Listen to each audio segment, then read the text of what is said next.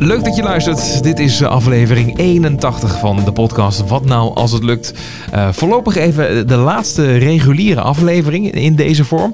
Uh, er komt nog een, een, terugblik aan het eind van het jaar. En nou ja, daarna even een korte pauze. daarna gaan we weer verder in een nieuwe vorm. Maar goed, daar zijn we er allemaal druk mee bezig. eerst in deze aflevering wederom twee opkomende muziektalenten. Straks zanger Julian Duperron. En dat, nou, mooie naam trouwens ook, Julian Duperron. Maar uh, als uh, drummer heeft hij al uh, veel ervaring. Heeft hij al met, met grote namen gespeeld. Zoals Herman van Veen, Duncan Lawrence en ook Ruben Heijn. Maar nu heeft hij de stap gemaakt om ook zelf te gaan zingen en in de, de spotlight te gaan staan. en daarbij heeft hij inmiddels een paar singles uit en zijn EP komt er ook aan. Nou ja, wie en wat en alles daarover hoor je zo meteen. Maar eerst Simona. En dat is een Letse naam. En uh, ik begrijp dat zij uh, roots heeft uit Letland. En verder wel geboren en getogen hier in Nederland. En ik begrijp ook dat ze vloeiend Russisch spreekt. Ben ik ook wel benieuwd naar hoe dat nou precies zit. En ze heeft eigenlijk uh, tot corona altijd professioneel gedanst. Maar tijdens de lockdownperiode is ze ja, vol voor haar muziek gegaan. En nou, dat, dat is goed hoor, dat klinkt goed. Experimentele airy R&B, zo omschrijft het zelf. Ik ga zo meteen kennis met haar maken. Maar eerst haar muziek. Dit is Thursday.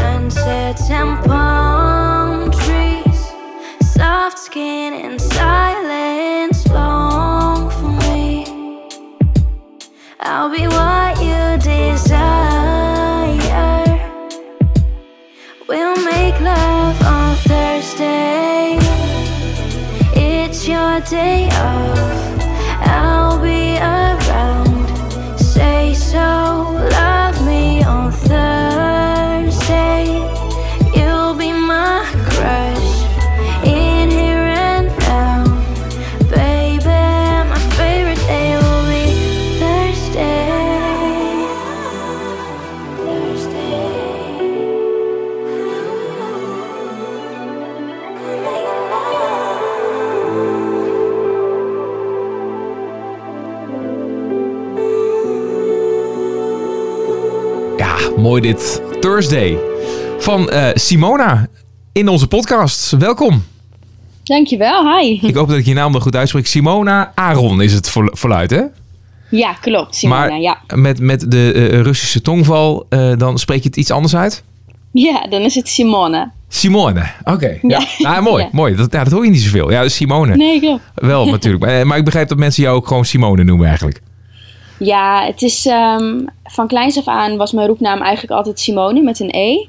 Eh, maar officieel, eh, het staat ook in mijn paspoort met een A. Dus eigenlijk heet ik gewoon Simona. En sinds ik weer muziek ben gaan maken, ben ik eigenlijk weer teruggegaan naar mijn echte naam. Oké, wat dus goed. Ja. ehm, ja, dus is gewoon met een A. Dus Ja, nou ja, goed, dat heeft iets te maken met, met jouw roots. Eh dat vind ik wel leuk om zo even wat meer over te horen. Maar wat we eigenlijk altijd in het begin hebben van elk eh, interview, dat is eh, de 20 seconden. Dus dat is even de spotlight op jou. En ik hou even mijn mond en gewoon in die tijd roep maar wat je wil. Even ter introductie of wat je ook maar even kwijt wil. Dat kun je stoppen in die 20 seconden. Goed? oké. Oké. Yes. Ga je gang. Oké. Hi, eh, mijn naam is Simona. Ik kom uit Groningen. Ik ben artiest en songwriter. Ehm, mijn eigen muziek zou ik omschrijven als experimentele en airy R&B. Uh, mijn muziek is in het Engels, uh, maar ik songwrite ook in het Nederlands. Um, en ja, dat ben ik. En mooi binnen de tijd. Ja, heel goed gedaan. Ja, nou ja, inderdaad, over die roots. Hè, want uh, ik, ik zei net al, de Russische dongval. Maar dat, dat, jij komt uit die, uit die richting, zeg maar. Uh, uit Letland begrijp ik dat je ouders komen. Ja, klopt. Ja, mijn ouders komen uit Letland en ik ben zelf wel uh, in uh, Nederland geboren. Ja, want dan zit ik niet zo heel goed in die talen en zo, maar in Letland wordt gewoon Russisch gesproken. Ja, Lets en Russisch. Okay. Mijn ouders die kunnen uh, ook een beetje Lets, maar mij is eigenlijk Russisch aangeleerd van kleins af aan. Ja? en toen, wel al toen je gewoon hier in Nederland woonde? Ja, ja, ja, ja, ik ben dus hier geboren en mijn broer die is, is wel in Letland geboren. Die was negen toen hij naar Nederland kwam. En um, ja, ik ben dus wel uh, gewoon hier geboren. En uh, ik ging meteen naar een Nederlandse school en ik had Nederlandse vrienden. Ja, ja, Alleen, ja, uh, ja ik maar moest thuis, thuis gewoon Russisch spreken. Oké, okay, maar, maar, waarom dan Russisch dan? Want Letland heeft ook gewoon een eigen taal. Ja, klopt. Ja, ik, heb, ik weet het eigenlijk niet. Ik heb dat nee? eigenlijk niet zo gevraagd. Nee, niet echt gevraagd. Maar, oh. ja, ja. Dat, dat is dat, ja, ook, ik begrijp wel dat dat natuurlijk uh, hoort een beetje bij elkaar. Het is een beetje dat gedeelte van, uh, van de wereld. Uh, mm-hmm. waar, waar Russisch dan waarschijnlijk dan ook wel de voertaal is in heel veel landen. Ja. Het zal daarmee wel mee te maken hebben natuurlijk. Maar goed, misschien ja. omdat je als je dan toch helemaal in Nederland bent. Ja, dan zou je bijna denken dat, dat hier in de, dit gedeelte van de wereld Engels dan weer wat meer de voertaal is. Ja, precies. Ja. Nee, ik zou het eigenlijk, uh, eigenlijk niet weten hoe dat komt. Maar ja, um, ja. het is wel heel handig, want uh, spreken in best wel veel landen Russisch. Dus uh, nee, als, als men dan niet weet dat ik Russisch spreek en ik hoor toch stiekem iets, dan is dat toch wel leuk. Ja, zeker. En het, dat spreek je dus helemaal vloeiend, het, de Russische taal. Ja, klopt. En ik heb het mezelf leren lezen. Ik ben een beetje een uh, nerd geweest toen ik klein was ook. Dus dan, uh, als mijn moeder aan het lezen was, dan vroeg ik altijd: wat is dit voor letter? Wat is dit voor letter? En dan werden dat op een gegeven moment woorden. En ja, ik kan nu zeg maar de blokletters uh, lezen. Ja, de blokletters lezen. Ja, uh, de, ja dus ik, zeg ik maar kan, de schrijftaal is okay. lastig. Ja, ja, ja, maar, ik, kan helemaal, maar, uh, ik, ik, weet helemaal niks van de Russische taal. Maar dat, ja. is dus een onderscheid in, in blokletters en ja. uh, gewoon letters of zo. Ja. ja, je hebt zeg maar dat toetsenbord op WhatsApp. Die, nou, die letters die zijn goed te lezen, maar als het echt met handschrift is, is het soms nog wel lastig. Het is heel, nou, dan lijkt het gewoon heel veel op elkaar. Het lijkt me ook een hele moeilijke taal. Ja, dat snap ik wel. Van, uh, van buitenaf. Uh, ja, het is grammaticaal ook wel heel lastig, omdat er zijn heel veel uitzonderingen in vervoegingen. Alleen, um, ja, ik, ik zou bijvoorbeeld nooit meer zeggen: um, ik ga loopt. Bijvoorbeeld omdat ik uh, vanuit de spreektaal al de grammatica heb meegekregen. Ja. Maar over het algemeen uh, ja, is het best wel een lastige taal inderdaad. Ja, want ik, ja, daar gaan we er een beetje ver op in. Maar ik vind het toch wel mooi. Ja. Kun je iets, iets zeggen, even zo, dat ik een beetje gevoel heb van dat, hoe, hoe dat Russisch ook alweer klinkt? Ja, um, nou als ik zeg ik heet Simone, dan zeg ik Minja Zavut Simone. Um, ik kom uit Groningen, of ik woon in Groningen, Jazeboef, Groningen. Dus dan heb je Groningen, dus dat weer... Uh, ja, ja, ja, een andere uh, uitspraak. Wat, ja. ja. mooi. Ja. ja. het is ook heel wel tof. En, en zou je daar ook uh, uiteindelijk iets van, van, van muziek in willen maken? Dat je denkt, van, ik ga die taal ook daarvoor gebruiken? Um, nou, voor nu sowieso Engels. Maar ik heb wel eens in de grappen, in, voor, voor de grap in de studio gezeten. En um, dat we dan een uh, reggaeton beat aan het maken waren. En um, dat, ik gewoon, um, dat ik gewoon Russisch ben gaan schrijven daarop. Omdat het eigenlijk niet bestaat. Oh, ja. Dus, uh, maar um, nee, ik, ik heb er nog niks mee gedaan. Misschien ooit. Maar als ik een beetje aan het ouwen ben in de studio, dan gebeuren dat soort dingen wel. Ja, ja, ja. ja, dat kan, ja maar aan de andere kant er is er natuurlijk ook gewoon een, uh, misschien wel een markt voor. Hè? Dat, dat je wel ja, weer ja. muziek gaat maken voor, voor, voor die doelgroep daar. Die de taal spreekt en verstaat. Ja, ja, het zou wel grappig zijn. Ja, ik ben er wel over aan het nadenken, maar ik weet nog niet uh, hoe en wanneer. Nee, maar het zou wel grappig zijn, ja. Nou ja, dat, dat is natuurlijk ook misschien al wel veel stappen vooruit gedacht. Want je bent eigenlijk nog pas met je eerste stappen bezig hier. Weet je, op, ja. op de manier zoals je het nu doet. Uh, ja. Want ja, daar gaan we het even over hebben. Even terug uh, in de tijd. nou ja, het moet sowieso wel bijzonder zijn geweest met, met letse ouders in Nederland. En, uh, en hoe was dat, dat, dat uh, jou, jouw jeugd wat dat betreft? En, en misschien ook muzikaal gezien, hoe heb je dat, hoe heb je dat meegemaakt? Um, nou, mijn, moeder, uh, mijn moeder is zelf, speelt piano. Dus mijn moeder die geeft zelf ook pianolessen. Dus met dat wat muzikaal gezien um, is mijn moeder, ja, heb ik dat misschien een beetje van mijn moeder. Ze geeft ook muzieklessen op een Russische school in Groningen. Um, ja, een Russische school in Groningen, ja. Ja, ja, het Gouden Sleuteltje heet dat. En dat is elke zaterdag. En daar gaan dan leerlingen naartoe om... Uh, die, ja, heel veel leerlingen bijvoorbeeld die een Nederlandse vader hebben... en een Russische moeder of andersom. En dan krijgen ze bijvoorbeeld les in, uh, in uh, ja, taal en geschiedenis en natuur, tekenen. En dus ook muzieklessen. En uh, ja, dat geeft mijn moeder dan daar. Hmm. En ergens had je denk ik in die, in die jaren nog niet meteen het idee van... ik ga muziek maken. nou, gek genoeg. Um, uh, ik heb wel heel veel filmpjes van toen ik klein was, dat ik heel veel aan het zingen en aan het dansen was. Oké, okay, ja, uh, ja, wat de reden waarom ik dat vraag is omdat dat jij later uh, juist meer bent gaan dansen. Dat, dat, dat het ja. zeker op professionele manier muziek maken nog helemaal niet in de picture was. Nee, klopt. Nou, het grappige was dus dat mijn moeder mij vroeger probeerde op, op piano les te zetten. En um, nou ja, ik was heel druk, dus ik had, ik had er geen geduld voor. Dus dan stond ik op en dan ging ik dansen. En um, ja, ja, dat snap ik ergens ook wel. Ja, ja, ja. En toen, uh, toen zei mijn moeder van, nou, misschien moet ze maar op dansles. Dus ik ben echt, uh, toen ik vier was, ben ik al op kleuterballet gegaan. En um, eigenlijk uh, sinds toen ben ik, ben ik continu gaan dansen. Ik, heb, ja, ik volgde dan ballet en streetdance apart en theater. En op een gegeven moment was er een kennis van mijn moeder die zei... ja, er bestaat een dansacademie in Groningen waarbij je echt alle stijlen krijgt. Um, omdat ik eigenlijk tot vandaag nog heel erg van afwisseling hou. Dus toen, heb ik, uh, toen was ik geloof ik tien. En toen ben ik naar een voorstelling geweest van de, van, uh, van de dansacademie. En ik zei tegen mama... Oh, ik wil naar het HBO hier. Ik, ik, ik zei, toen ik tien was, zei ik, ik ga het HBO doen. en toen, uh, nou, toen had ik auditie gedaan. Toen ik tien was, was ik aangenomen voor de vooropleiding. Dus toen was ik in het weekend volop aan het dansen, zingen en acteren. En ehm, ja, ik heb dus de, het HBO uiteindelijk ook afgerond. En um, ja, tot aan uh, al het gedoe met COVID heb ik eigenlijk um, echt gedanst, geperformd. En, dat was gewoon dat... op een gegeven moment je werk? Dat, dat, ja. Ja, ja, ja? zeker. Gewoon na, ja, na, je, na je opleiding en dergelijke ben je gewoon dat ja. vol gaan doen? Ja, klopt. Wat, ja, wat, wat, deed je dan? Wat, ja, moet je dat voorstellen? Is dat dan ook gewoon hier in Nederland? of, of voor specifieke artiesten of shows of mhm, voorstellingen? Ja, ik, uh, ja, in Nederland dan ja, eigenlijk steeds verschillende opdrachten, want ik deed veel commercieel werk. Dus uh, het was als ZZP'er. En uh, nou, het tofste wat ik, uh, wat ik heb gedaan in, als laatst was in België, was de Christmas Show. En dat was dan met André Hazes en met Belle Perez. En dan ja, stond ik daar te dansen met, met live muziek. En ehm, ja, ook wel shows in Parijs en Engeland. Het waren dan illusionisten shows. En in Nederland uh, verschillende commercials gedaan, uh, Tele 2. Um, ja, eigenlijk allemaal verschillende, verschillende dingetjes. Maar dat, dat heeft dan ook niet een specifieke stijl of een muziekgenre of zo wat eraan gekoppeld is. Dat is dus echt van alles. Ja, eigenlijk van alles. Maar het gaat wel iets, uh, iets meer richting ja, ja, urban dan, zou ik zeggen. En als ik de dansstijl zou omschrijven met, met beide artiesten en dat soort dingen, hmm. is, dan gaat het wat meer richting hip-hop, hip-hop urban. Oké, ja. Goed. En, en daar kon je gewoon eh, goed van leven, zeg maar. Dat uh, had je als ZZP'er uh, genoeg werk aan. Ja, op zich wel. Ik gaf daarnaast ook zelf gewoon lessen. Um, ik geef nu ook nog steeds danslessen binnen de, binnen de educatie. Als, uh, als dans-kunstvakdocent, zeg maar. Geef ik dan workshops door heel Nederland op basisscholen, middelbare scholen. Maar ook laatst bijvoorbeeld op het Noorderpoort workshops gegeven.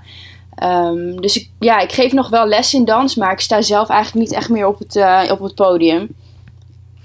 Ja, uh, maar dat heeft dan ook weer te maken met de, uh, de hele coronatijden, ja, toch? Dat bedoel je, hè? Want, want dat, ja. dat kwam allemaal met een harde stop, kan ik me voorstellen, zo ja. begin 2020.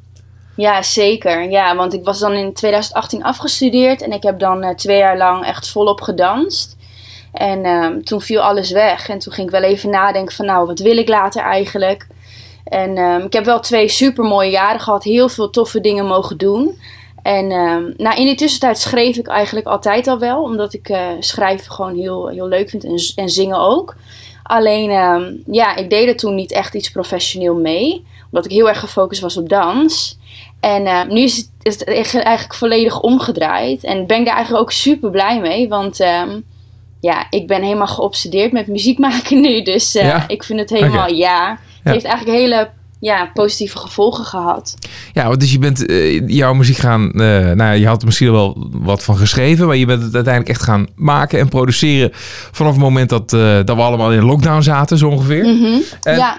en, en, hoe had je dat dan allemaal? Hoe heb je dat geregeld? Dan had je dan ook al die, nou ja, noem het maar even die voorkennis van nou, wat je dan moet doen, de stappen die je moet nemen om dan ja, vanuit een idee van een liedje om dat dan concreet te gaan maken en, en te gaan opnemen. Hoe heb je dat gedaan? Nou, ik was sowieso bezig met, uh, met schrijven. Dus ik heb wel een eigen schrijfstijl ontwikkeld. En uh, toen met de lockdown ging ik daar echt heel intensief mee bezig. Omdat ik, uh, nou, ik kan niet zo goed stilzitten. Dus dan ga ik zoeken naar, oké, wat kan ik doen? Um, en toen heb ik eigenlijk een videograaf gevraagd. Um, want ik wist dat hij heel veel schoot met artiesten.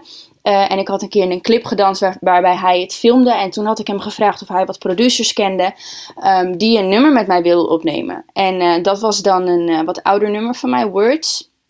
En um, die had ik dus opgenomen. Nou, en ik ben dat zo leuk gaan vinden dat ik op een gegeven moment dacht van... nou, ik wil eigenlijk heel graag een vaste producer. En die jongen die deed heel veel voor, voor rapartiesten. En um, ik wilde heel graag echt een vaste producer die met mij echt veel zou werken. En um, nou, het is een grappig verhaal. Um, maar um, ik ben sinds de lockdown ben ik gaan werken in een sportschool. En toen was dat nummer was net uitgekomen. En uh, nou, ik was aan het afsluiten. Nou, en ik moest een beetje promoten. Heel stom, maar ik moest het toch doen. Ik zeg, hé, hey, ik heb een nieuw nummer uit, bla bla bla. Tegen klanten. En op een gegeven moment zei er een klant, zegt, hé, hey, ja, mijn beste vriend, die, uh, die is producer. Dus ik zeg oké, okay. nou toen hebben we e-mailadressen uitgewisseld en die beste vriend is nu mijn vriend. dus okay, uh, ja. het is echt, uh, ja, dus door, door muziek eigenlijk um, ben ik nu mijn, ja, mijn vriend tegengekomen en hij heeft mijn hele EP heeft hij geproduceerd en gemixt. Oké, okay, wat goed. Uh, ja, ja oh. dus het is echt een topteam. Ja, dat werkt heel goed natuurlijk. Ja. En, en, ja. uh, maar wie, wie is dat dan als in van, ja, heeft hij nog meer dingen gedaan als producer zijnde, dat we misschien ergens van kunnen kennen? Uh, nee, nog niet. Hij, nou, hij studeert nu eigenlijk gewoon aan de Unie. En nou, hij was dus wel al jarenlang bezig met, met muziek maken. En heeft tien jaar pianoles gehad. Dus wel um, altijd met muziek bezig geweest. Maar ook ook dus geen vaste vocalist gevonden die op die manier denkt over muziek als ik. En ja. nou, toen, toen kwam dat dus eigenlijk perfect samen. Dus ja. we werk, ja, we werken echt heel intens conceptuele uit. En we denken super veel na over de muziek. En elk woordje en elk geluidje moet sens maken. Dus uh, dat is dan heel erg fijn dat je dat zo, zo zo intens samen kan doen. Ja, absoluut. absoluut. En, en dat, uh, dat, uh, je hebt nog niet de nadelen ondervonden, zeg maar. Want dat kan ik me ook wel voorstellen. Als je, als je nee. zo, zo, zo veel met... Je, ja, je woont bij wijze van spreken uh, samen. Je leeft samen. Ja. Omdat je ja. ook met muziek zoveel bezig bent. Dat dat ook wel juist tegen kan werken. Ja, nou, het grappige is dat wij dus qua karakter ook echt heel erg op elkaar lijken. En um, dat wij uh, privé en zakelijk echt perfect kunnen scheiden. Dus het heel gek, maar we hebben onze eigen muziekstudio hier in Groningen.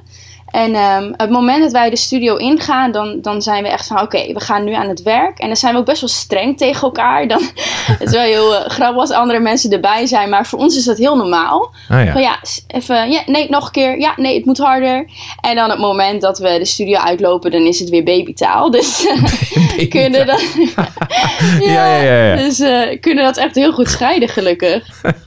Ja, ja, ja. ja. Oké, okay, nee, wat goed. Dat, nou ja, ja. dat is niet voor iedereen weggelegd, zou ik denken. Maar uh, mm -hmm. het is heel mooi dat jullie elkaar nou, op al die vlakken hebben gevonden. Ja, ja, dat is heel fijn. Ja, en ook bij toeval natuurlijk. Maar goed, het helpt dan dus om ook maar gewoon te roepen tegen mensen van... joh, ik ben muziek aan het maken en uh, wie weet wat er allemaal uit komt rollen. Ja, ja, precies. Ja. ja, maar het is heel gek hoor. Want nu als ik dat dan tegen mensen zeg van... hé, hey, ik heb uh, muziek uit of wat dan ook, dan lijkt het toch een beetje op je af te komen van... oh, die ken, ik ken die en die en die doet ook dat. En ja, eigenlijk moet je, moet je inderdaad gewoon zeggen wat je doet. En als mensen het interessant vinden, dan, dan praat je erover verder. En zo niet, dan, uh, nou ja, dan, Ja. dan weten ze het. Ja, precies. Ja. Je moet toch eigenlijk gewoon schreeuwen van de daken eh, dat Ja. je het doet. Eh, anders gebeurt er zo weinig natuurlijk als je dat niet, eh, niet doet. Hè? Of, of weinig. Ja. Klopt, ja. En Wel een goede tip eigenlijk wat dat betreft. Ja, Hey, en eh, nu eh, ben je druk, aan, eh, druk bezig met, met je, nou ja, je EP, hè? Of, het, of noem je het al een album? ja nee, het is inderdaad een EP. Er komen zes nummers op. Waarvan er nu drie al zijn uitgebracht. En 10 december gaat hij uitkomen. Ja, van 2021. Dus het ligt er een beetje aan wanneer je deze podcast luistert. misschien is hij al lang uit. En dan kun je hem beluisteren in zijn geheel op, Spotify waarschijnlijk.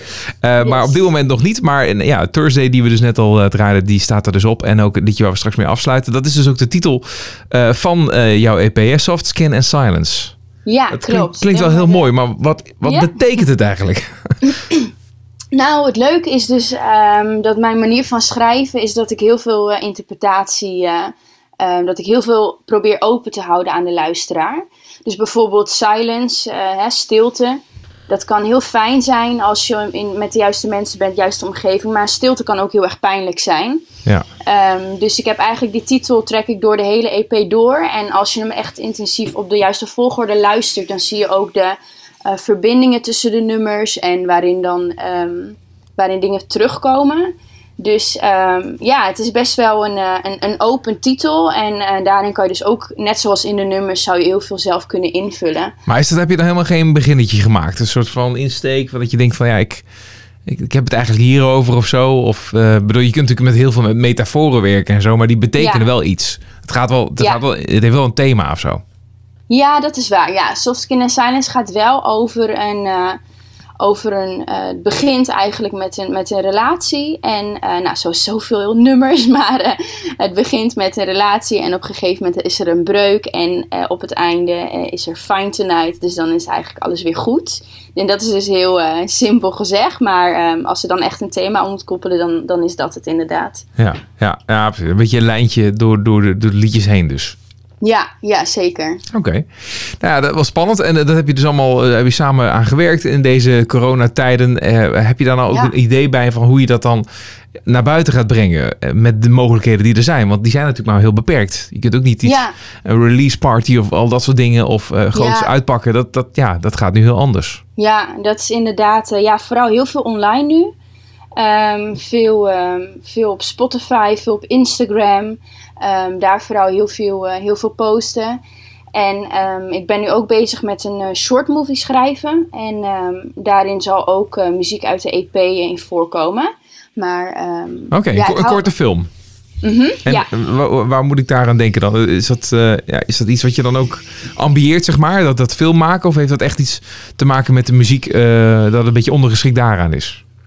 Um, nou, ik vind het vooral heel tof om echt, uh, om echt verhalen te creëren. Wat ik bijvoorbeeld ook heel tof vind, is om, als ik een film heb gezien, om vanuit daar weer te gaan schrijven. Om daar, vanuit daar zeg maar weer een nummer te maken.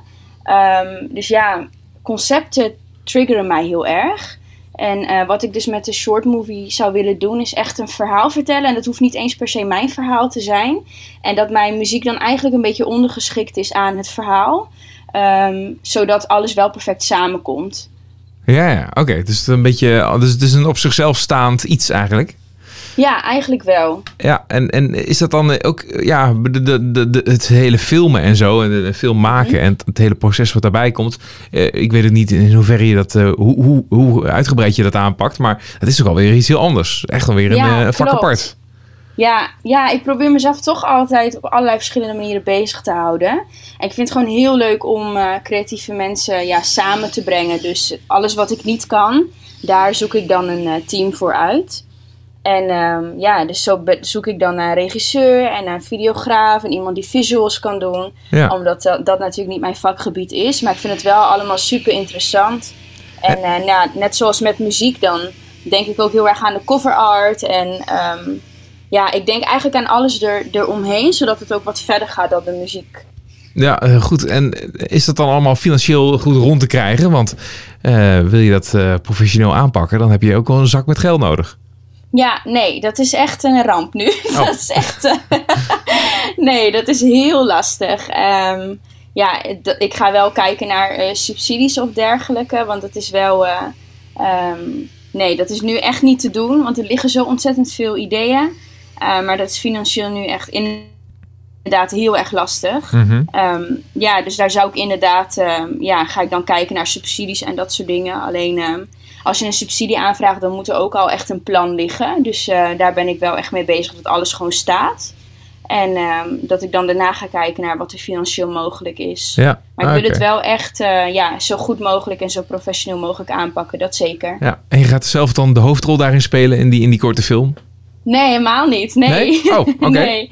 Nee, if, ehm, wat, wat eigenlijk een beetje de bedoeling is, is dat het een verhaal van iemand anders wordt. ehm, waarin de muziek ook weer heel anders geïnterpreteerd kan worden. Dus ehm, ik vertel eigenlijk helemaal niet het verhaal wat ik heb bedoeld met de EP. Maar zodat op die manier een beetje mijn manier van schrijven ook weer terug gaat komen. Dus dat je ook in een heel ander verhaal de muziek kan eh, koppelen. Ja, leuk. Dat klinkt als een, eh, als een heel mooi plan. Yes. En, en eh, als je iets verder nog vooruit kijkt naar de toekomst, eh, hè, want je, bent ambitieus, je wil veel dingen aanpakken, dat is duidelijk. Mhm. Maar misschien heb je nog wel dingen, ja, van, die, van die fantasie in je hoofd die je nog graag ooit een keer zou willen doen. Misschien nog niet op de korte termijn, maar ooit. Wat zou dat kunnen zijn? Ehm, nou, mijn, mijn muziek is sowieso in het Engels. Ehm, dus ik zou eh, uiteraard zou ik dan wel internationaal eh, bekendheid willen creëren. Ehm, en het uiteindelijke doel, wat me echt dus super tof lijkt, omdat ik dus ook heel veel interesse heb in film, is om echt muziek te gaan maken voor, voor films, voor series, voor documentaires. Oh, dus ja. echt, ehm, ja, het gekke is dat ik, dat ik met dansen heb ik altijd op podium gestaan. En nu heb ik zoiets van, nou, ik vind, het, ik vind het wel leuk om op te treden. Maar wat ik eigenlijk nog leuker vind, is, is het creëren gewoon. En ehm, ja, als mensen je een beetje willen leren kennen, moet je natuurlijk wel wat van jezelf laten zien. Dus dat is wel de bedoeling ook. Maar ehm, uiteindelijk zie ik mezelf wel echt ehm, creëren voor anderen. En ook heel erg eh, schrijven voor, eh, voor artiesten, dat lijkt me ook superleuk.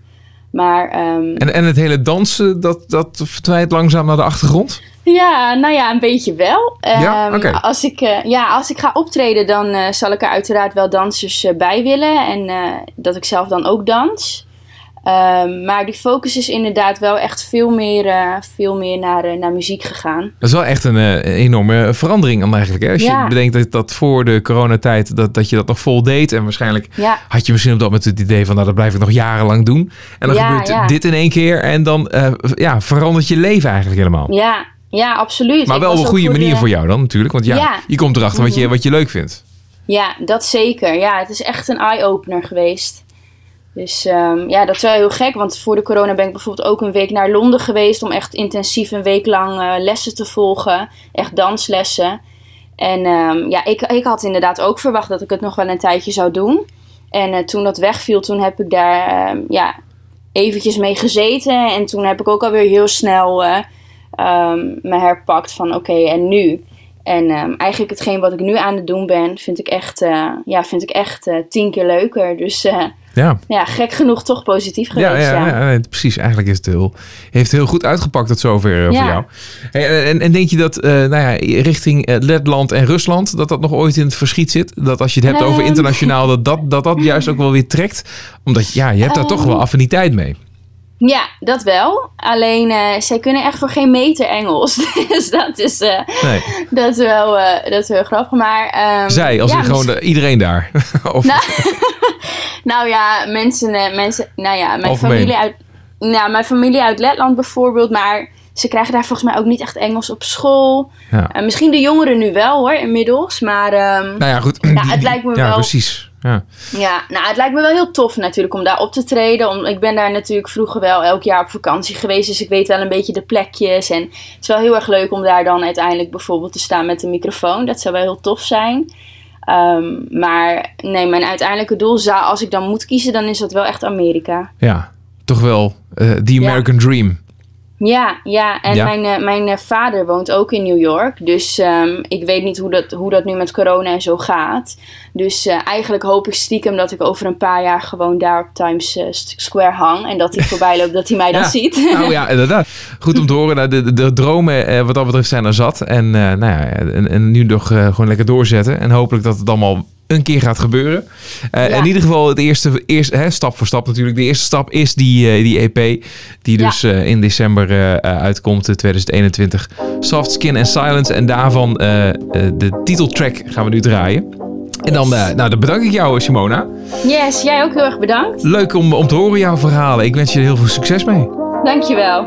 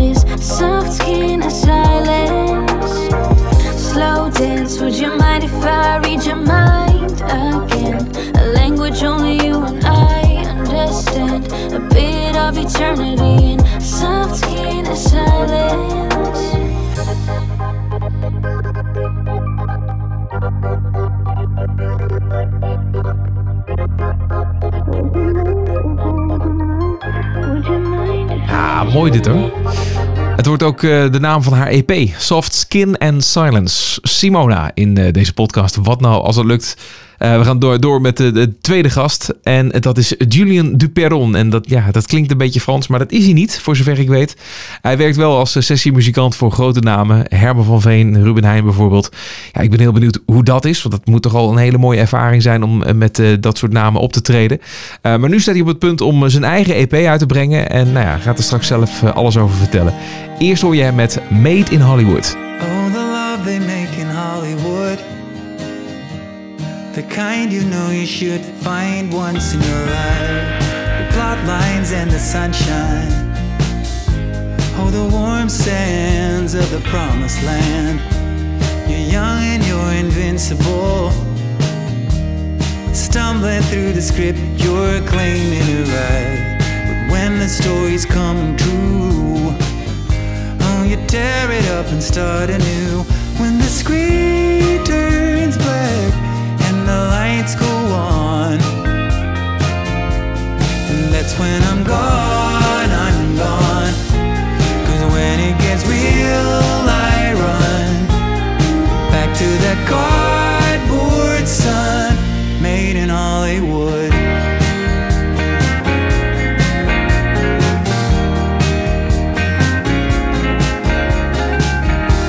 You know I tried to drop my act.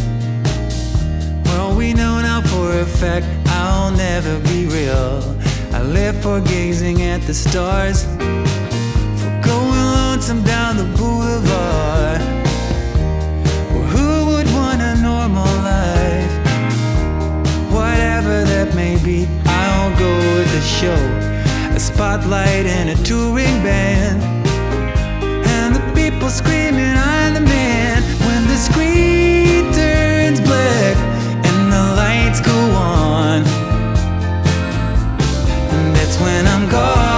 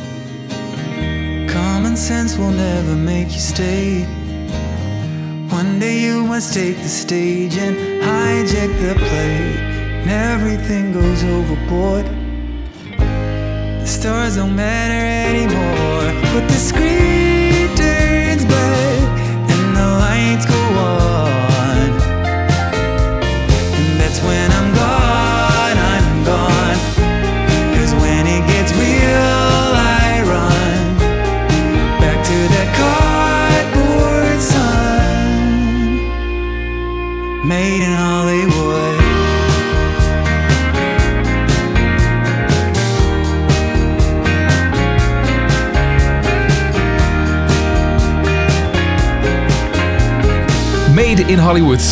Julian Duperron. Ik hoop dat ik je naam goed uitspreek. Ja, prachtig. Ja?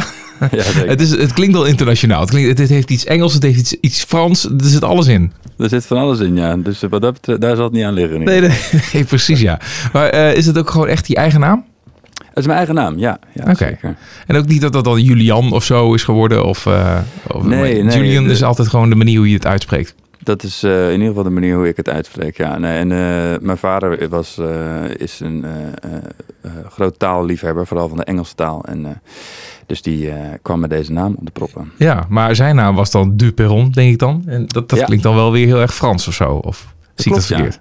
Ja, we hebben op een gegeven moment is er een soort, heeft iemand een, een hele mooie stamboom gemaakt van onze familie. En het gaat ergens terug tot 1600 zoveel. En daar eh woonden de Duperronnen nog in Frankrijk. En eh, toen was er dus een, eh, een kasteelheer die heette Jean-Roch Duperron. Kijk, nou, Dus dat is, je bent van adel, is wel duidelijk. Ja, dat is in de, in de tussentijd wel een beetje verwaterd hoor. Maar, Ja, ja, maar goed. Nou ja, wel mooi. En, en eh, ja, opvallende naam wat dat betreft. En eh, eh, nou ja, met, je- met je muziek kun je dat alleen maar versterken eigenlijk. Made in Hollywood, dat is de single die, je die je laatst hebt uitgebracht in oktober 2021. Eh, die- die- ja, zegt dat trouwens ook iets over je, over je ambities? Made in Hollywood? Oeh, nou, nee, niet per se hoor. Ik denk niet dat ik eh, nou heel erg de ambitie heb om eh, daar eh, de hele tijd maar in LA te zitten en zo. Maar nou ja, op zich, als ze daar maar liedjes willen draaien, dan, gaan, dan vind ik dat helemaal niet erg. Nee, nee, precies. En, waar gaat het dan wel over als je zingt over Made in Hollywood? Made in Hollywood. Ehm, ja, de eerste zin is The love they make in Hollywood. Het gaat een beetje over het soort van het beeld van de liefde en het, het leven eh, wat in Hollywood eh, gemaakt wordt. Ja, En wat ons toch allemaal een beetje wordt, eh, stiekem wordt opgelegd. waardoor je eigenlijk je eigen leven steeds maar aan het afmeten bent aan dat plaatje. ja, ja dat perfecte plaatje. Precies. Ah, Oké, ja. En terwijl het dan niet zo is, eigenlijk, is je boodschap. Bij mij niet in ieder Nee, geval. Maar, alles behalve dat dus. nee, maar eigenlijk is de, is de boodschap ook een beetje van... je, daardoor door, door maar aan dat beeld vast te houden... raak je een beetje verblind voor wat er, wat er allemaal wel is om je heen. Ja, ja. Eh, terwijl, ja, Ja. dat is misschien nog wel veel mooier. Zeker, nou, eh, zeker. En het is een heel mooi liedje, dus eh, goed, eh, goed gedaan. Hey, eh, laten we even jou de 20 seconden geven. Dat is eh, altijd aan het begin van elk eh, gesprek eh, eventjes de spotlight op jou. En ik hou even mijn mond. En roep me alles wat je wil, even ter introductie. yes. Ga je gang. Mijn naam is Julian Duperon. Ik maak Engelstalige popmuziek met invloeden uit soul, R&B en Americana. Eh, in januari komt mijn EP uit, die heet Superposition. En die beschrijft het spanningsveld tussen het zelf en de andere. Hoe je als individu de behoefte hebt om je te ontworstelen aan de wereld van de andere. Terwijl tegelijkertijd alle betekenis in en van je leven enkel bestaat bij de gratie van die gedeelde wereld. Hoppa, in de tijd. Precies binnen de tijd. Dit, hier heb je op geoefend. Wauw, ik heb, ik heb hem wel even opgeschreven. Dit heb je opgeschreven. Dat, is, dat verzin je niet zomaar even. Dat is niet een, eh, gebruikelijke zin. Eh, Oké, maar nou ja, dat, dat moet je dan zo meteen nog maar even verder op, eh, op doorgaan wat je daar eh, precies mee bedoelt. Eh, maar eh, eh, terug in de tijd en dan, dan niet zo ver naar 1600 of zo, maar even gewoon voor jou eh, naar je jeugd. eh, Muzikaal gezien, waar begon dat een beetje en hoe ontstond dat?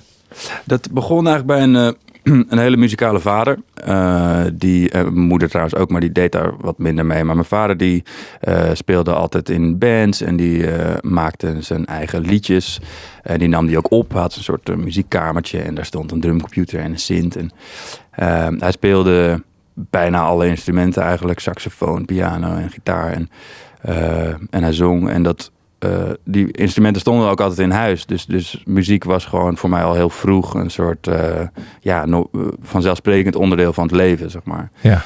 Ehm, en, en ik kon dus al die dingen ook een beetje uitproberen. Ik ging dan wel eens achter de piano zitten rommelen en, of een gitaartje pakken. En, dus daar begon dat eigenlijk.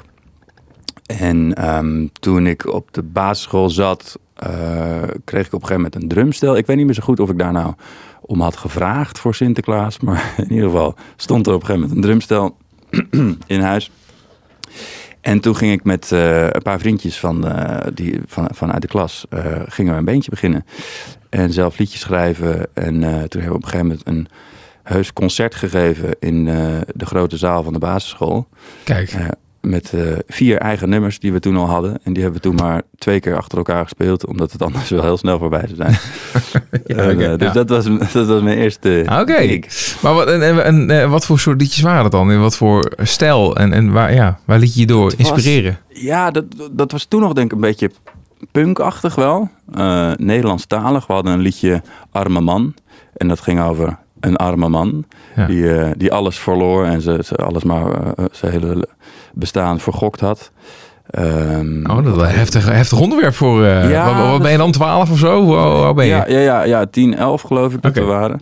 En eh, die, dat, die, teksten werden toen nog geschreven door eh, de zanger. Dat was mijn vriendje Rinke. En ik was toen dus de drummer van de band. En, Ja, oké. Wat grappig. En eh, eh, ja, dan heb je het een beetje over... eh want je bent nu 33, hè? Dat is eind jaren 90 of zo, rond 2000. ja, ja, precies. Waar, waar, luister je toen ook dan meer naar, naar punk en zo? Was dat een beetje de muziekstijl waar je... Nou ja, waar, misschien al indruk op je maakte, ook voor later leeftijd? Ja, in die tijd eigenlijk wel. En ook een beetje zo begin middelbare school was het best wel punk en veel ska ook. Eh, maar dat was ook wel een beetje omdat dat gewoon was wat er, eh, wat er gedaan werd op die school. Eh, dat was gewoon een beetje de populaire. Maar ik voelde me er niet altijd heel erg per se thuis bij of zo. Ik weet nog, we hadden ehm, twee muziekavonden per jaar op de middelbare school. Je had eh Michael Live, mijn school heette het Michael College. Michael Live. En da daar, dat was echt eh, ja, vol, of een groot podium en met volle bands en zo spelen. En daar werd dan heel veel punk en ska gespeeld. Maar je had ook altijd een, eh, een beetje rond kerst was dat ook. Dan had je de avond Candlelight. En dat was meer ja, unplugged, zeg maar. Ja, En ja. ik weet nog dat ik een keer meedeed daaraan. En toen was ik gevraagd om mee te spelen met een aantal eh, docenten. Met wat liedjes van. Het speelde wat dingen van Clapton, geloof ik. En iets van. eh, Simon Garfunkel, geloof ik. En toen daalde het bij mij een beetje in, want ik vond dat zo leuk. En ik weet nog dat ik dagen daarna nog helemaal vol ervan was van hoe vet die sfeer was en die muziek die we gespeeld hebben. Dat toen bij mij het kwartje een beetje viel van, oh wacht even, volgens mij is dit veel meer een hoekje waar ik op mijn plek ben of zo. Veel meer dan in die ja. eh punkkant waar, waar we de hele tijd maar in zitten. En hoe heb je dat uiteindelijk dan een aantal jaren verder... eh, ja, ben, je- ben je er wat serieuzer in, in gegaan? Heb, je ook een opleiding eh, gevolgd in die hoek? Ja, ik, toen eh, eind van de middelbare school, toen dacht ik een beetje van ja, nou iedereen gaat studeren en maar wat dan? En ik had niet per se een heel duidelijk beeld van wat ik dan wilde. Maar ik was natuurlijk wel altijd veel met muziek bezig en ik zat op dat moment in een jazzbandje. Ehm, en ehm, toen dacht ik, ja, wat, wat vind ik nou eigenlijk het allerleukste om te doen? Ja, dat is toch muziek maken, dus laat ik dat gewoon proberen. En toen ben ik naar het conservatorium gegaan in Amsterdam.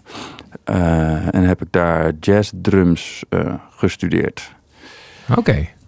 Ja, dus dat is Dus we toch een beetje de drumhoek... eh toen, toen was het nog drummen, ja. Ja. En het is eigenlijk gaandeweg dat conservatorium gegaan dat ik een beetje een switch heb gemaakt. Ehm, Een beetje zo rond mijn derde jaar kwam ik veel in contact met de eh, mensen van de popafdeling van het conservatorium. Die zaten toen bij, elkaar in het gebouw voor het eerst. En eh, ja, die popstudenten die waren allemaal maar bezig met hun eigen liedjes schrijven. En met eh, ook alle drummers speelden ook gitaar en konden ook vet goed zingen. En eh, dus het was heel erg een soort eh, lekker maken met z'n allen. En dat, ik realiseerde me toen dat ik dat eigenlijk op die jazzafdeling heel erg miste. Want dat, dat is echt een, een ambachtsopleiding. Je leert daar gewoon supergoed je instrument beheersen. ik moet dan een beetje denken aan die film. eh, hoe heet het ook alweer? Eh, Whiplash. Ja, inderdaad. Ja, Ja, ja, ja, ja. Dat, dat idee. Is het zo hard bikkelen? Nou, het is zeker hard bikkelen. Het wordt natuurlijk wel heel eh, eh, erg aangedikt in die film met bloed uit zijn handen. Als je Nou, inderdaad, ja. Ik heb wel eh, smakelijk gelachen bij de film. Maar Ja, nou, dat is wel grappig inderdaad. Ja, wat, wat klopt dan niet aan die film? Nou, dat, moment dat er bloed uit zijn handen kwam, dat moet je wel echt even als een, poëtisch beeld zien. En niet als iets wat echt kan. Want dan, dan, dan eh, Ja. is je techniek niet zo lekker voor elkaar. Nee. Maar, ehm, maar gewoon het. eh, en en zo'n leraar in die film, weet je wel, die hem dan echt helemaal afbeult. Dat, Ja, ja het, was, het is een soort van alsof je in het leger zit. Ja. maar dan voor jazzmuzikanten. Ja, precies. Ja, Ja. Voor een deel kan het wel voelen. Het kan je wel echt helemaal gek maken op die school. Met, met, er zijn zoveel goede mensen. En het is wel echt een eh, qua. eh, ja, je kan wel in een goede identiteitscrisis komen daar, zeg maar. Qua van ja, wat, wat stelt nou me voor wat ik doe en zo. En Nou ja, goed. En ja, eh, wat in die film ook naar voren komt, is, is, is de, de concurrentie eigenlijk die er is. dat bedoel ik, ja. Hè, dat, dat, er zit gewoon iemand, in het geval van zo'n zo'n jazzdrummer, zit er iemand in een, op een krukje naast de drummer, die Ja. op elk moment gewoon maar kan invallen. En op het moment dat de leraar dan even ja, zo- zo'n bevlieging heeft, eh, dan zegt hij gewoon van, oké, ga jij maar weer, eh, draai maar om, weet je wel. Eh, ga jij maar op dat Ja. krukje zitten. En dan mag de ander in één keer. Ja, dat is heel heftig, ja. Nou, en zo- Is dat, zit, daar, zit daar iets van waarheid in? Is dat, eh, Er zit Alleen al gevoelsmatig? In. Ja, iets. Kijk, je, had, je hebt dan vaak van die voorspeelavonden bijvoorbeeld, dat je dan op het conservatorium gewoon presentaties van eh bandjes. En dan, ja, dan zit je natuurlijk allemaal bij elkaar te kijken ook. Van, en als, als je dan een, een, eh, een collega-drummer uit je jaar zo ziet spelen en je denkt, shit man, die is echt lekker bezig. Dan is dat wel een schop onder je kont, maar op een veel sympathiekere manier wel dan, dan in die film naar voren komt. Dus het, het- er was altijd een hele goede sfeer onder de medestudenten. ja, ja. Maar, maar wel een soort ja, gezonde concurrentie zou ik Ja, zeggen. ja, ja, ja. En dan, eh, nou ja, goed, eh, na, je, na die opleiding, want je bent wat dat betreft dan goed, eh, ja, echt wel grondig jezelf ontwikkeld door, door middel van die opleidingen. Hmm. Het is, het is, eh, hè, we spreken ook wel eens eh, artiesten in, de, in deze podcast, die hebben het allemaal gewoon zelf gedaan. Of, of die hebben juist een idee bij van, ja, weet je, een beetje wegblijven van al die opleidingen. Maar jij hebt er wel duidelijk Ja. voor gekozen om dat traject te volgen. Ja. Ja, ik dacht in eerste instantie, eh, dacht ik gewoon, ik moet die jazzopleiding gaan doen. Dan, dan word ik gewoon een supergoeie speler. En dan zie ik daarna wel wat ik ermee doe. Zo, dan kan ik daarna nog alle kanten op. Ehm, en nou voor een deel is dat ook waar gebleken. In die zin dat ik inderdaad niet echt in de jazz ben blijven hangen. Maar veel meer die, die popmuziek, eh, de liedjeskant op ben gegaan. Ehm, wat het, ik denk het grootste eh, eh, gewin dat die opleiding me heeft opgeleverd, is gewoon de, de, de scene, zeg maar, de groep mensen die je tegenkomt.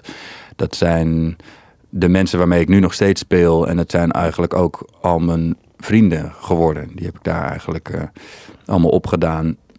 dus het is echt een, eh, ja, een soort van communitytje voor, de- voor, voor de rest van je leven. Die je Ja. daar, eh, op- Ja, ja, ja, voor je netwerk is het natuurlijk eh, ja, onbetaalbaar Ja. eigenlijk. Hè? En het is, het is zeker niet de enige manier om dat te doen hoor. Ik bedoel, eh, dat heb ik zeker op het conservatorium ook wel gerealiseerd. Van als je gewoon, je kunt het ook prima zelf doen en je kan naar jam sessies gaan. En je kan, eh, dus als je daar een beetje goed in bent, dan heb je helemaal geen conservatorium nodig. Ik bedoel, er zijn ook zat gasten die, die, dit een jaar doen en dan al zo hard gaan dat ze weer stoppen met school en gewoon alleen maar gaan spelen. En, Ja. eh, dus er zijn heel veel wegen. Maar voor mij heeft het wel zeker wel veel, veel gedaan. Ja. Even iets eh, doorspoelen. Dan heb je op een gegeven moment, eh, eh, ja, als het klopt, jou, jouw eerste single in 2017. Dat klopt, ja. D- dus, dus dan heb je op, zo'n, op dat punt eigenlijk al bepaald van, hey, ik heb eh, een richting, ik weet waar ik heen wil en, eh, en, en ja, een soort van plan voor de toekomst. Nou, dat zou ik eigenlijk niet zo, zo willen zeggen. Het was eigenlijk meer een soort eerste teentje in het water. Het was, eh, ehm, ik was toen, eh, denk twee jaar of zo daarvoor, had ik een beetje gedacht van, van ah shit, ik wil eigenlijk gewoon echt heel graag mijn eigen muziek maken. Maar ik vond het echt doodeng, want ik had natuurlijk altijd een beetje verstopt achter het drumstel. En eh, toen zou, zou ik dan opeens gaan zingen en, eh, en, en liedjes gaan schrijven. Dus dat vond ik best wel een enge switch. Eh, maar op een gegeven moment heb ik mezelf toch een beetje gedwongen met wat hulp van mensen om me heen om het maar gewoon te doen. En die eerste single in 2017, eh, dat was gewoon een, ja, een eerste probeersel. En ook, ik realiseerde me van ja, ik moet het toch op een gegeven moment naar buiten brengen. Want anders dan heeft, weet niemand dat ik dit doe. En dan kan het nooit groeien naar iets nieuws of zo. Ehm, dus ik En was dat in, de, in, de, in die tijd, in die jaren, dat je dan ook eh, nou ja, als, als, als sessiemuzikant eh, werkte? Dat je, dat je, hè, dat die, want je zat in, in Ja. verschillende bandjes van, van toch wel bekende eh, muzikanten, bekende artiesten. Ja, ik speelde toen eigenlijk als drummer nog, vooral. Eh, en ondertussen had ik een... eh, ja, toen speelde ik eh, met, met Jannes Gra en met Perquisite zaten toen mee. En met Herman van Veen. En ondertussen had ik een eigen studiootje waar ik stiekem allemaal mijn eigen demootjes zat te maken. En ehm, Ja, dat, Ja. Maar dat is wel, wel, wel mooi. Dat, daar- dat is ook natuurlijk een beetje hoe je, waar je, een wereldje waar je inrolt. Misschien wel vanuit zo'n opleiding.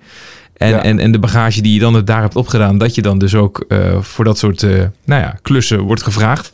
Ja, Maar, maar wel heel tof. Want dan sta je in één keer op het podium met Herman van Veen. Ja, dat is super cool. Ja, ik ben ook echt heel eh, dankbaar voor al die kansen die ik heb gekregen. En wat je zegt, va- van het een komt het ander. Als je ergens eenmaal speelt, dan ontmoet je weer nieuwe mensen. En dan eh, zien anderen je weer spelen. En denk je, oh, die, die moeten we erbij hebben of zo. Dus ik heb toen inderdaad hele gave dingen kunnen doen. Eh, en, ehm, Wat was het, wat was het moment, een, een bepaald moment misschien waarvan je dacht van wauw, kijk, nou- kijk nou wat ik aan het doen ben. Terwijl je aan het drummen was. Nou en ja, er staat dan valt- een artiest voor je, weet je wel. Ja, nou, dan valt me meteen wel iets binnen dat we met Herman eh, speelden we in Carré. En daar speelden we uiteindelijk, geloof ik, 36 avonden op rij. Maar toen, die Zo. eerste, toen ik daar binnenkwam, die eerste dag, en toen het was het nog de, de, de opbouwdag, zeg maar. En toen liep ik zo vanaf de backstage het podium op. En toen keek ik zo vanaf het podium die zaal in. Toen werd ik wel even helemaal stil met kippenvel. Ik dacht, wauw, wat een Ja. magische plek. En Maar dan, eigenlijk, dan, heb je, dan ben je toch best wel ver gekomen eh, op zo'n punt al, weet je wel? Dat je bedoel, oké, het draait om Herman van Veen. Het is, het is niet jouw muziek, maar ik bedoel, in de, dat is wel eh, een, een, een, een, eh, een hoogtepunt ook voor Herman van Veen, weet je wel? Dat hij in die, dat hij die optredens in Carré kon doen en, Ja. en dat je dat dan als muzikant bij mag zijn. Ja, dat was super bijzonder. Ja. Ja, ja, heel erg. En elke avond eigenlijk, als daar in Carré de doek weer open ging, keek ik weer even zo naar die lampjes die je dan ergens ver achterin nog ziet branden. En dan dacht ik wel weer, wow. Dus die, die zaal heeft wel iets, iets eh, magisch. Ja, ja. En voor Herman zelf was het inmiddels al wel bijna een soort gesneden koek. Want we hebben op een gegeven moment zijn vijfhonderdste avond in Carré gespeeld. Ja, oké. Ja, ja, ja, ja. Maar ja, ja, oké, dat is natuurlijk ook Maar hij vond het zelf ook nog altijd eh, spannend in, in Carré. Dat had voor hem ook altijd nog eh, iets bijzonders. En dan was hij toch nog Ja. zenuwachtig een beetje. Ja.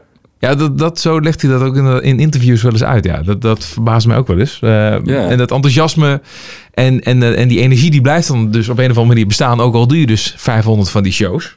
Ja. Eh, maar dat kan dus. En nou ja, laten we hopen dat dat ook voor jou misschien ooit is weggelegd. Zie je dat dan op een gegeven moment ook als een soort van doel? Dat je, je, je hebt dat op die manier dan meegemaakt. Dat je denkt van ja, nu mogen die lampjes in de verte wel op mij worden gericht. Nou, zo groot durf ik denk ik nog niet te dromen. Maar eh, gewoon überhaupt het met een eigen band op het podium staan. Dat, dat is wel iets wat ik eh, wel een realistische droom denk ik. Maar zeker eentje die ik heb. Ja. Want tot nu toe heb ik dat nog niet eens gedaan. Met een voltallige band mijn eigen dingen speelt. Nee, nee, nou ja, dat is natuurlijk vanwege de, hè, de alle omstandigheden van de afgelopen jaren, kan ik me zo voorstellen. Ook dat, ja. ja. Eh, dat, dat, heeft, dat maakt het wel heel lastig om, om nou ja, wel, wel die wens te hebben om, om ja, muziek te gaan maken en uit te brengen. En dan dus ook op het podium te gaan staan, maar het kan niet. Ja, dat is, dat is eh, natuurlijk heel erg jammer. Ik heb gelukkig nu eh, net nog een, een toertje wel kunnen doen. Dat, ging nog, dat, dat kon nog net doorgaan. Maar de laatste paar optredens nog dan met zitplaatsen. En, eh, ehm, ja, het is een tijd geweest om heel veel in te maken, denk ik. Dus ik heb ook mijn EP heb ik eigenlijk vorig jaar opgenomen.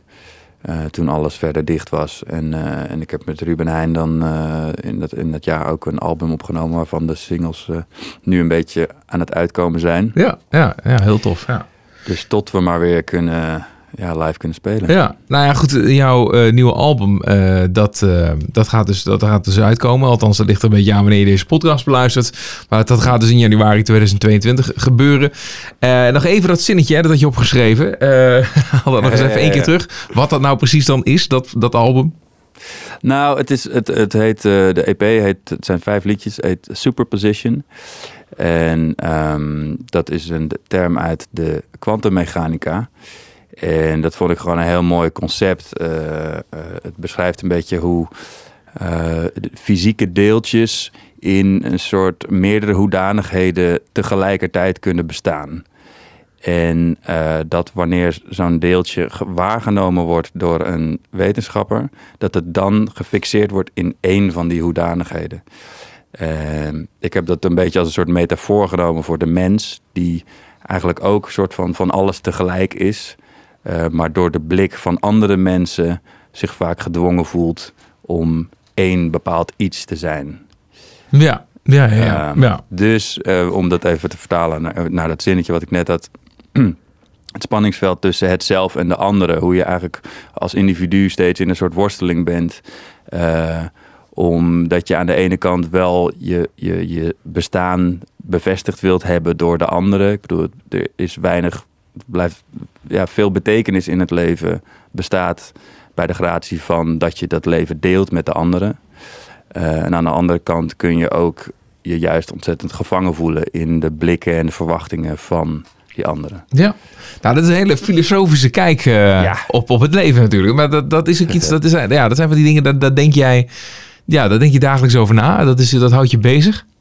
Ja, zou je kunnen zeggen. Nou, ik heb uh, filosofie gestudeerd, dus ik heb zeker wel een interesse ook in die richting. En ik vind het wel leuk om uh, ja, dat in mijn muziek ook te verwerken. Niet per se heel expliciet. Het moet wel gewoon luisterbaar blijven. Maar, ja. Uh, maar je zegt natuurlijk eigenlijk daar hiermee ook een soort van dat, uh, dat het ook een worsteling is. Hè? dat het dus een, een, uitdaging is en soms een groot obstakel voor mensen. Om dat, wat andere mensen van je vinden. Daar komt het natuurlijk ook een beetje op neer. Hè? Dat, ja. Daar heeft het ook mee te maken. Is dat iets wat, wat, wat ook uit jouw leven gegrepen is? Dat, dat, dat je dat, dat ook een bepaalde ervaring hebt, mee hebt meegemaakt dat je ja, dat dat erbij is gebleven. Dat je denkt van ja. Ja, ja, en dan misschien niet per se wat anderen van me vinden of zo, maar meer een soort. Uh, je, je kunt op een gegeven moment een beetje een narratief over jezelf ontwikkelen. En uh, gewoon een, een soort beeld van jezelf van, oh, ik ben dit en dit. En voor mij is dat heel lang geweest. Ik ben drummer bijvoorbeeld. Um, en ik ben een beetje introvert, bijvoorbeeld. Is denk ik ook voor heel veel mensen een soort uh, beeld wat ze over zichzelf hebben. En dat wordt eigenlijk vaak bestendigd door de anderen om je heen. Die denken, oh ja, hij is, hij is die drummer en hij is uh, een beetje uh, stil en een beetje zo. Um, terwijl dat, hoeft, dat is helemaal niet set in stone, zeg maar. Als je op een gegeven moment kun je ontdekken uh, door zo'n switch te maken, die bij mij dan wel heel lang heeft geduurd, maar van, oh ja, wacht even, ik mag ook gitaar spelen, ik mag ook zingen, ik kan dat, die plek ook gewoon nemen. Ja, ja dat heeft dan daar betrekking op, uh, dus de, ja, dat moment. Mij, ja. ja, voor mij is dat wel, uh, is, is, is het wat, wat, dat waar het op slaat, ja. ja. Hey, en dan wel, wel even verder durven dromen. Hè? Je zegt wel van nou, met een band ja. op het podium en dat soort dingen. Oké, okay, dat uh, redelijk, redelijk voor de hand liggend ook wel, eigenlijk. maar goed, Carré, dat zeg je eigenlijk altijd dat al, dat al een hele grote droom is. Maar ja, moet toch ook wel kunnen. Ik bedoel, je, je, hebt er al een keer gestaan. Dus wat dat betreft. Maar misschien, ja. of, heb, of heb je nog, even nog, nog grotere dromen? Dat je denkt van ja, oké, okay, dat mag ik eigenlijk niet hardop zeggen. Maar hè, nu gewoon even omwille van de fantasie. Ja, grappig. Ik, ik, heb dat dus niet per se hele grote dromen. Voor mij, het, ik vind dus, het, voor mij is het al heel groot om met een eigen band een keer op een echt podium te staan en dat te doen. Ja. Dat voelt voor mij al huge. Maar groot is natuurlijk wel relatief, maar het gaat er een beetje om, denk ik, uh, dat, dat, dat, voor iedereen persoonlijk natuurlijk, maar dat, dat, dat het zeg maar nog heel veel stappen weg lijkt. Dat het iets is waar je nog, waar je, waar je naar, naar op langere termijn naartoe wil werken, zeg maar. Dat, dat punt. Ja, ja. En dat zie, je nog, dat zie je nog steeds aan de band? Want dat lijkt nog, ja, in mijn ogen nee, iets, iets wat redelijk dichtbij nog wel kan zijn. Zeker als je al je EP hebt. En, nou ja, en alle dingen worden weer misschien wat meer mogelijk qua dat maatregelen. ja. ja. Um, maar wat daarna? Wat, wat, wat verder, weet je wel? Hoe zie wat je... daarna? Ja, bedoel, je, je, je bent iemand die erover nadenkt. Uh, ja... Uh, nou ja, kijk, als je eenmaal op dat paadje ingeslagen bent, dan is het denk ik gewoon uh, kijken hoe ver je kan gaan. Dus uh, dan is uh, met een nightliner door, de, door de States reizen, dat is dan een, ook wel een stapje wat me wel aan zou trekken. Ja, toch, toch nog wel richting Los Angeles. Ja, wie weet, ja. ja. Maar dat, dat is dan toch Amerika, hè? Dat, wat dan ergens daarin terugkomt. Ja, ja, ik weet niet. Dat is omdat dat, dat beeld en veel artiesten die ik natuurlijk te gek vind, die zitten daar. En, ja. uh, maar ik denk ook wel dingen die je noemt. Van, ik heb als, als sessiemuzikant natuurlijk best wel wat zoals zo'n carré uh, uh, dan kunnen doen. Maar ja, het zou inderdaad ook of, of televisie dingen. We hebben met Ruben vaak bij De Wereld Draait Door gespeeld. En het, als dat soort dingen, als ik die een keer onder mijn eigen naam zou kunnen doen. Ja, misschien dat dat stiekem toch wel ook heel gaaf zou zijn. Ja, en is dat dan, um, ja, dat, dat betekent natuurlijk ook wel weer, hè, dingen die je noemt, uh, met uh, op zo'n uh, televisie, televisie optreden, hmm. of een beetje de, de, de grote bekende podia, dan, dan moet je natuurlijk ook wel een beetje, ja, dan zul je altijd wel moeten zorgen dat die muziek dan ook dat grote publiek kan aanspreken. Ja, Dan heb ik het idee dat je daarin eh, prima eh, een- een- iets hebt gevonden. Hè? Als je luistert naar de, de singles. Eh, maar ja, is dat ook iets wat je in je achterhoofd houdt? Dat je denkt van ja, ik, ik moet het ook voor dat publiek doen. Of, of is dat iets... Mm, Want dat kan Nou. je natuurlijk een soort van leiden. Hè? En, en dan doe je uiteindelijk misschien ook wel iets. Of dan lever je bij wijze van spreken iets in.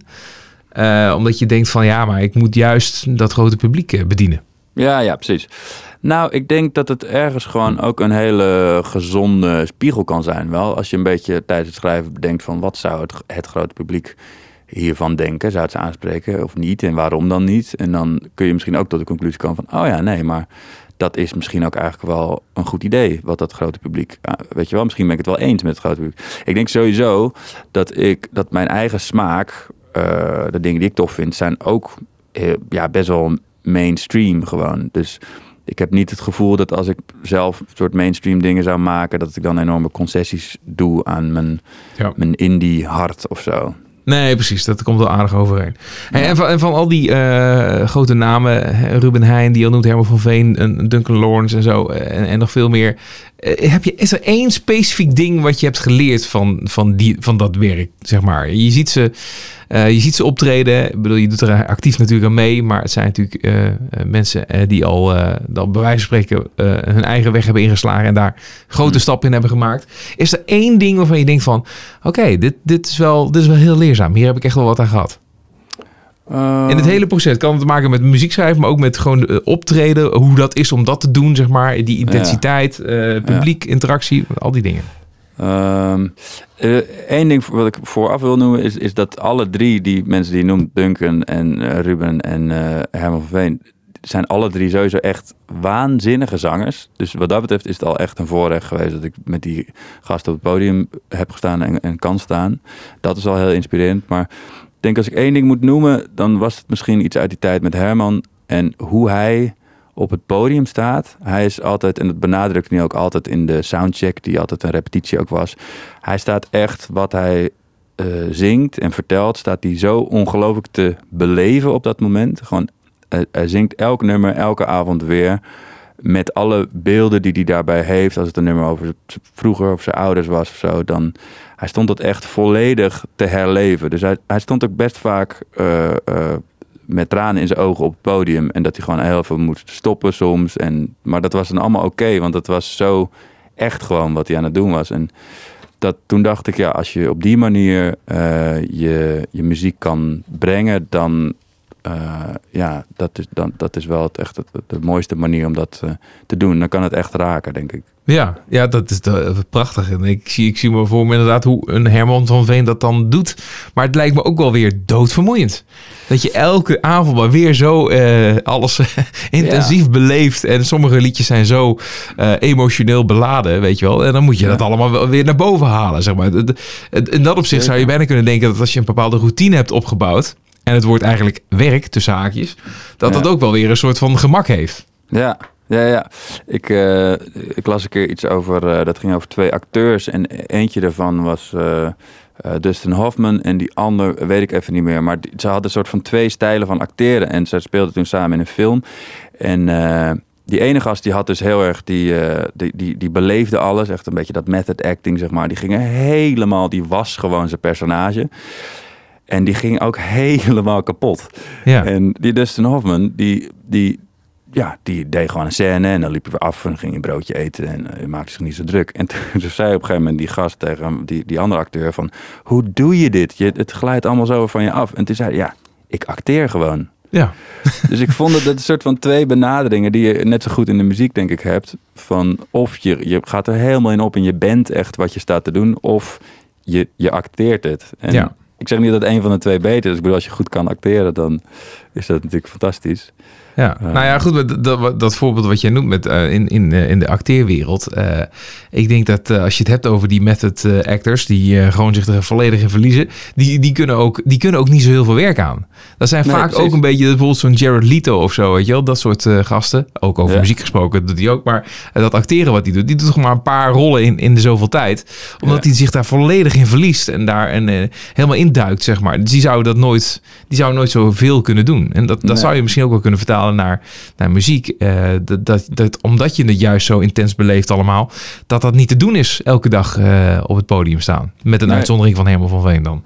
Ja, nou, en, en, en, eh, en Herman die had ook wel altijd een, echt een dagelijkse routine. Hij was altijd vroeg in het theater en dan had hij ook elke dag een, een liet zich behandelen door een fysiotherapeut. Oh ja. Die man was natuurlijk ook al, toen ik met hem speelde, werd hij op een gegeven moment 75. Dus die, Ja. Eh, en, maar hij stond nog echt eh, te springen op het podium.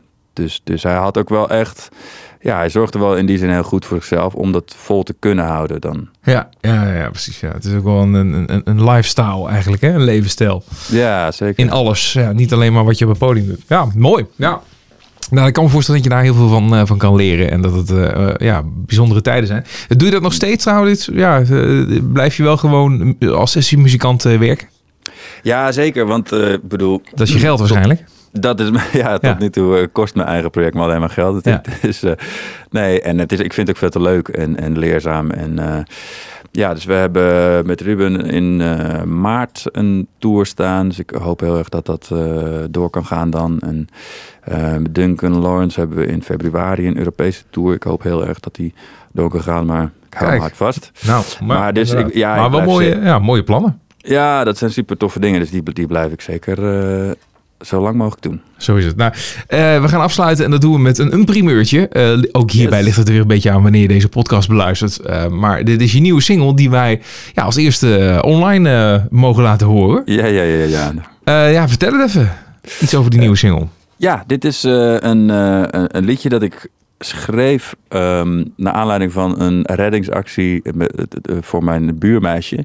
Eh, ik, kwam op een middag thuis en toen stond er een meisje een beetje zo reddeloos op straat. En ze sprak me aan, in het Engels trouwens. En, en ze zei ik heb mezelf buiten gesloten en ik kom mijn huis niet meer in.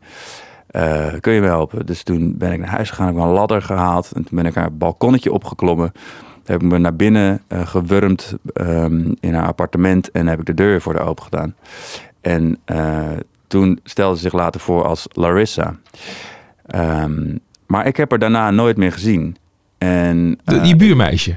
Of was die, buurmeisje, ja. Maar die heb je daarna nooit meer een gezien? paar deuren verderop. Maar ik, Oh. ik, ik weet niet wat het verhaal was. Ik denk dat ze misschien in een Airbnb zat of zo. Dat ze er maar eventjes was. Maar ik heb er dus nooit meer gezien. daarna. Dus ik hoop eigenlijk dat ze dit liedje hoort. En eh, dat, ze, dat, ze, dat we dan in contact kunnen komen. Oké, oké, wat leuk. En hoe oud eh, zou ze dan zijn nu? Of, eh, Ja, wat zal het zijn? Een beetje, eh, ook rond 30 denk ik. Oké, oké, ja, ja, ja. ja. Want ze- ze heeft, heeft ze wellicht je, je interesse gewekt op, op meerdere manieren. Zodat je denkt van, hé, hey, dat is wel leuk om nog mee in contact te, komen, te blijven. Precies, ja. Ja? Het, was gewoon een hele, het was een hele leuke ontmoeting. Maar eh, Dus het is eigenlijk een soort van, eh, van advertentie eh, op een hele bijzondere een manier.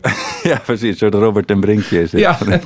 op zoek naar die, naar die verloren liefde die je misschien, eh, nou ja, wat nooit wat is geworden. Maar ja, dat, dat kan nog misschien komen. ja, dus ik zing When Will You Lock Yourself Out Again. Ja, ja, oké, wat goed, wat goed. Oké. Oh, oh, Larissa, dat is dus de, de titel van jouw nieuwe single. Yes. Ja, ik ben wel heel benieuwd of dit al gaat lukken. Of je op een of andere manier eh, eh, haar weet te nou ja, achterhalen. Hij Want moet gewoon zoveel mogelijk gedraaid worden op Dat is- alle radio's. dat is en het. dan- Ja, en het verhaal moet erbij bij worden verteld natuurlijk. En heb je enig idee wat haar nationaliteit is? Ja, je zegt dat ze Engels sprak.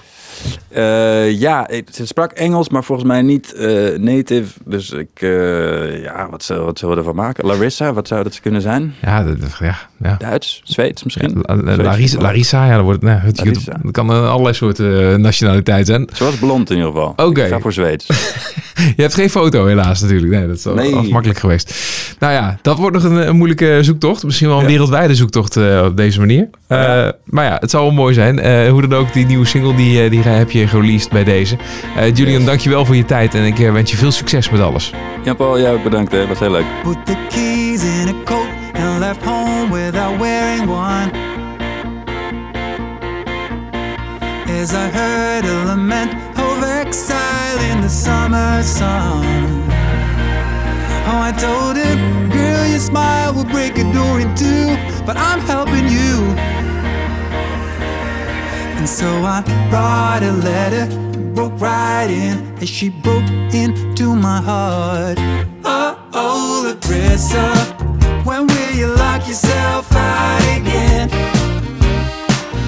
Oh, oh, Larissa, I should never in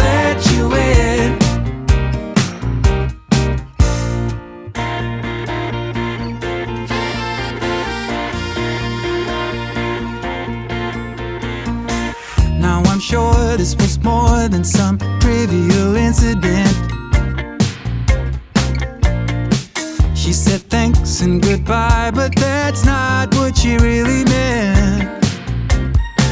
Oh, you save me every day from this lonesome life? Now that may sound strange and I can't explain, but sometimes you just know. Oh, oh, the up. When will you lock yourself out again?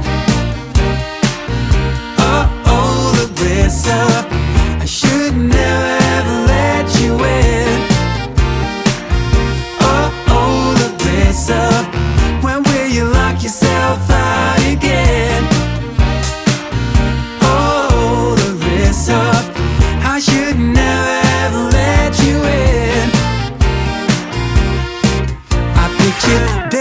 Park, family car. I'm talking fights at the mall.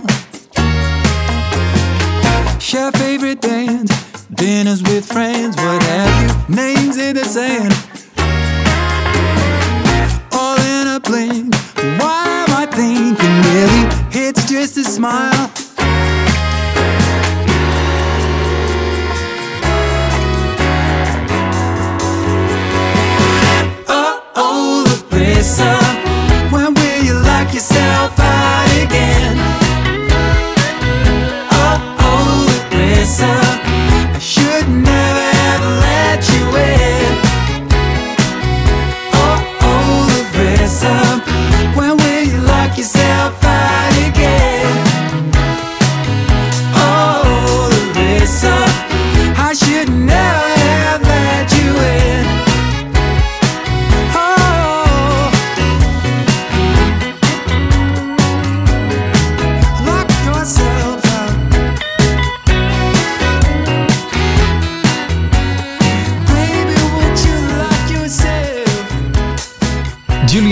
Duperron, dat is zijn naam. En eh, ja, dit was een liedje, zijn, zijn zoektocht naar een stille liefde eigenlijk. Hè? Een, een meisje dat indruk op hem heeft gemaakt. En ja, verder heeft hij haar nooit meer gezien en heeft geen idee wie ze is. Wie ze is behalve dat ze eh, Larissa heet. Ik ben heel benieuwd of hij haar ooit een keertje gaat vinden. Dat moeten we even in de, gaten houden. Maar goed, eh, je hoorde verder in deze aflevering ook Simona. En eh, dat zijn toch wel twee eh, opkomende namen. Met, met grote dromen en ambities die hard timmeren aan de weg. Het is mooi om te horen hoe ze dat doen. En nou, op welke manier ze dat willen gaan realiseren. Hou ze in de gaten. Want ja, wie weet leert het grote publiek ze ook een keertje kennen. Simona en Julian Duperron dus. En ja, het is eh, bijna het einde van het jaar. In de volgende aflevering gaan we terugblikken naar die vele overige artiesten die we de afgelopen tijd hebben gesproken. Mocht je ondertussen nog leuke tips hebben, eh, laat het dan vooral even weten via Facebook of Instagram of kijk op watnoualshetlukt.nl. Tot de volgende.